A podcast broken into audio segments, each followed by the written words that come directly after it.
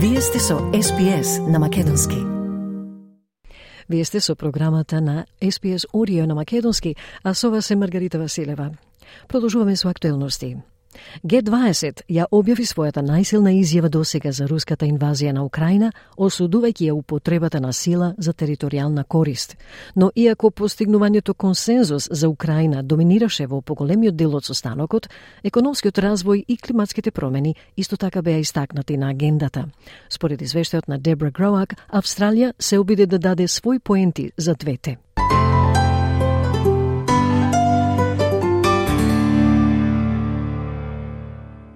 За лидерите кои учествуваа на самитот на Г20 во Нью Делхи имаше важни теми за дискусија.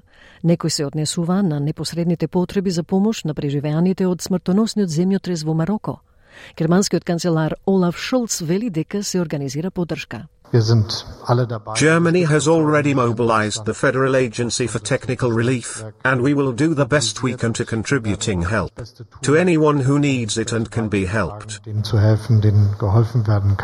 Имаше и долгорочни прашања на кои требаше да се работи.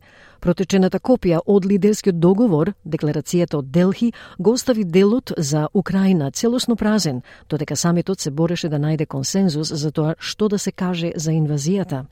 Но на крајот, како што потврди британскиот премиер Риши Сунак, беше постигнат консензус дека Г20 договорија заедничко комунике со многу силен јазик за нелегалната војна на Русија со Украина. The news that we've just had, which I'm happy to share, is that under Prime Minister Modi and India's presidency, the G20 have agreed a joint communique with very strong language about Russia's illegal war in Ukraine. Во сообштението на Г20 се осудува употребата на сила за територијална корист.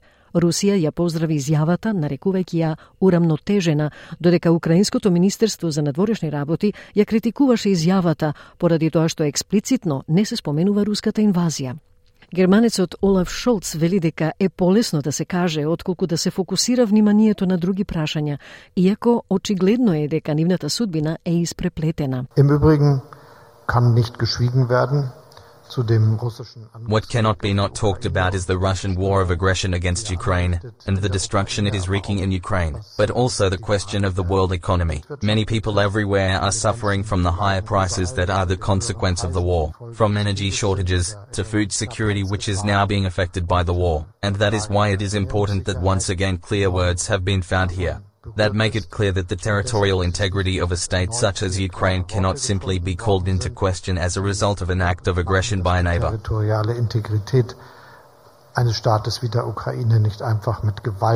Тој изјави дека она за што не може да се зборува е руската војна на агресија против Украина и пустошот што таа го прави во Украина, но и прашањето за светската економија.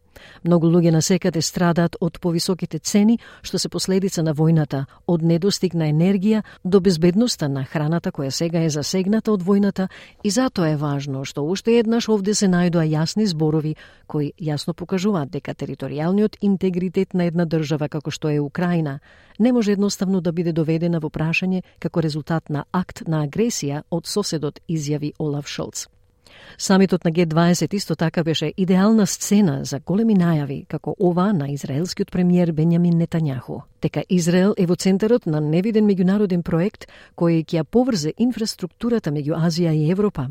Оваа врска ќе ја исполни долгогодишната визија која ќе го промени лицето на Блискиот Исток, лицето на Израел, а ќе влијае и на целиот свет, изјави Нетањаху.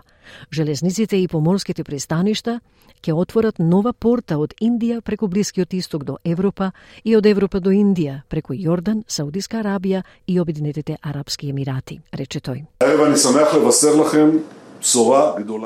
Israel is at the center of an unprecedented international project, a project that will connect infrastructure between Asia and Europe.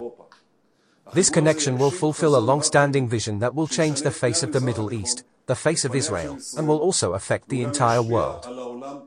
Our railways and seaports will open a new gateway from India, through the Middle East, to Europe, and also back, from Europe to India, through Jordan, Saudi Arabia, and the United Arab Emirates.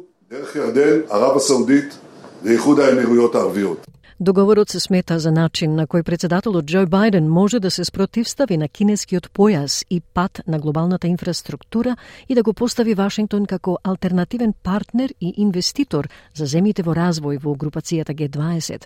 Но председателот исто така го промовира како победа за земјите со низок и среден приход во регионот, што ќе му даде клучна улога во глобалната трговија на Блискиот Исток. It's a project that's about, uh, about far from just laying tracks.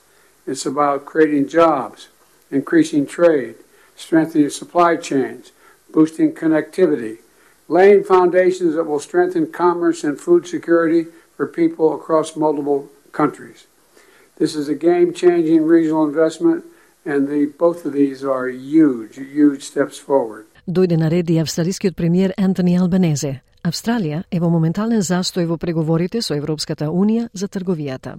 Премиерот одржа официјални разговори со францускиот председател Емануел Макрон на маргините на самитот на Г20, при што двајцата разговара за потребните чекори за финализиран трговски договор пред какви било избори во Европската Унија кои би можеле уште повеќе да го одложат договорот. Тој се сретна и со други лидери и вели дека е охрабрен од разговорите. Ursula von der Leyen was, uh, was quite positive, uh, but we will wait and see uh, the issues. Our, our officials have continued to have discussions.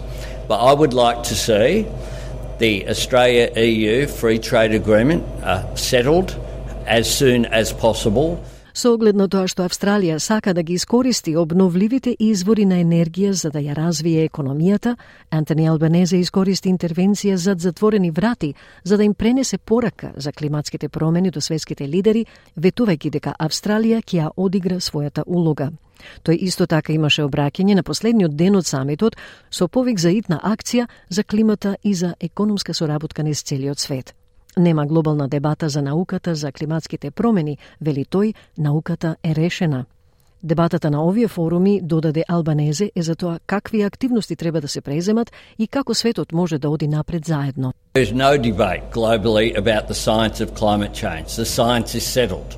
The debate at these forums is about what actions should be taken and how the world can move forward together. Тоа е порака што генералниот секретар на Обединетите нации Антонио Гутереш вели дека меѓународната заедница не може да си дозволи да ја игнорира.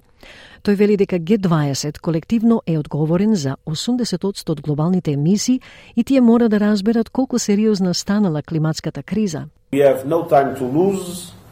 Challenges stretch as far as the eye can see. The climate crisis is worsening dramatic, but the collective response is lacking in ambition, credibility, and urgency. Half measures will not prevent full climate breakdown.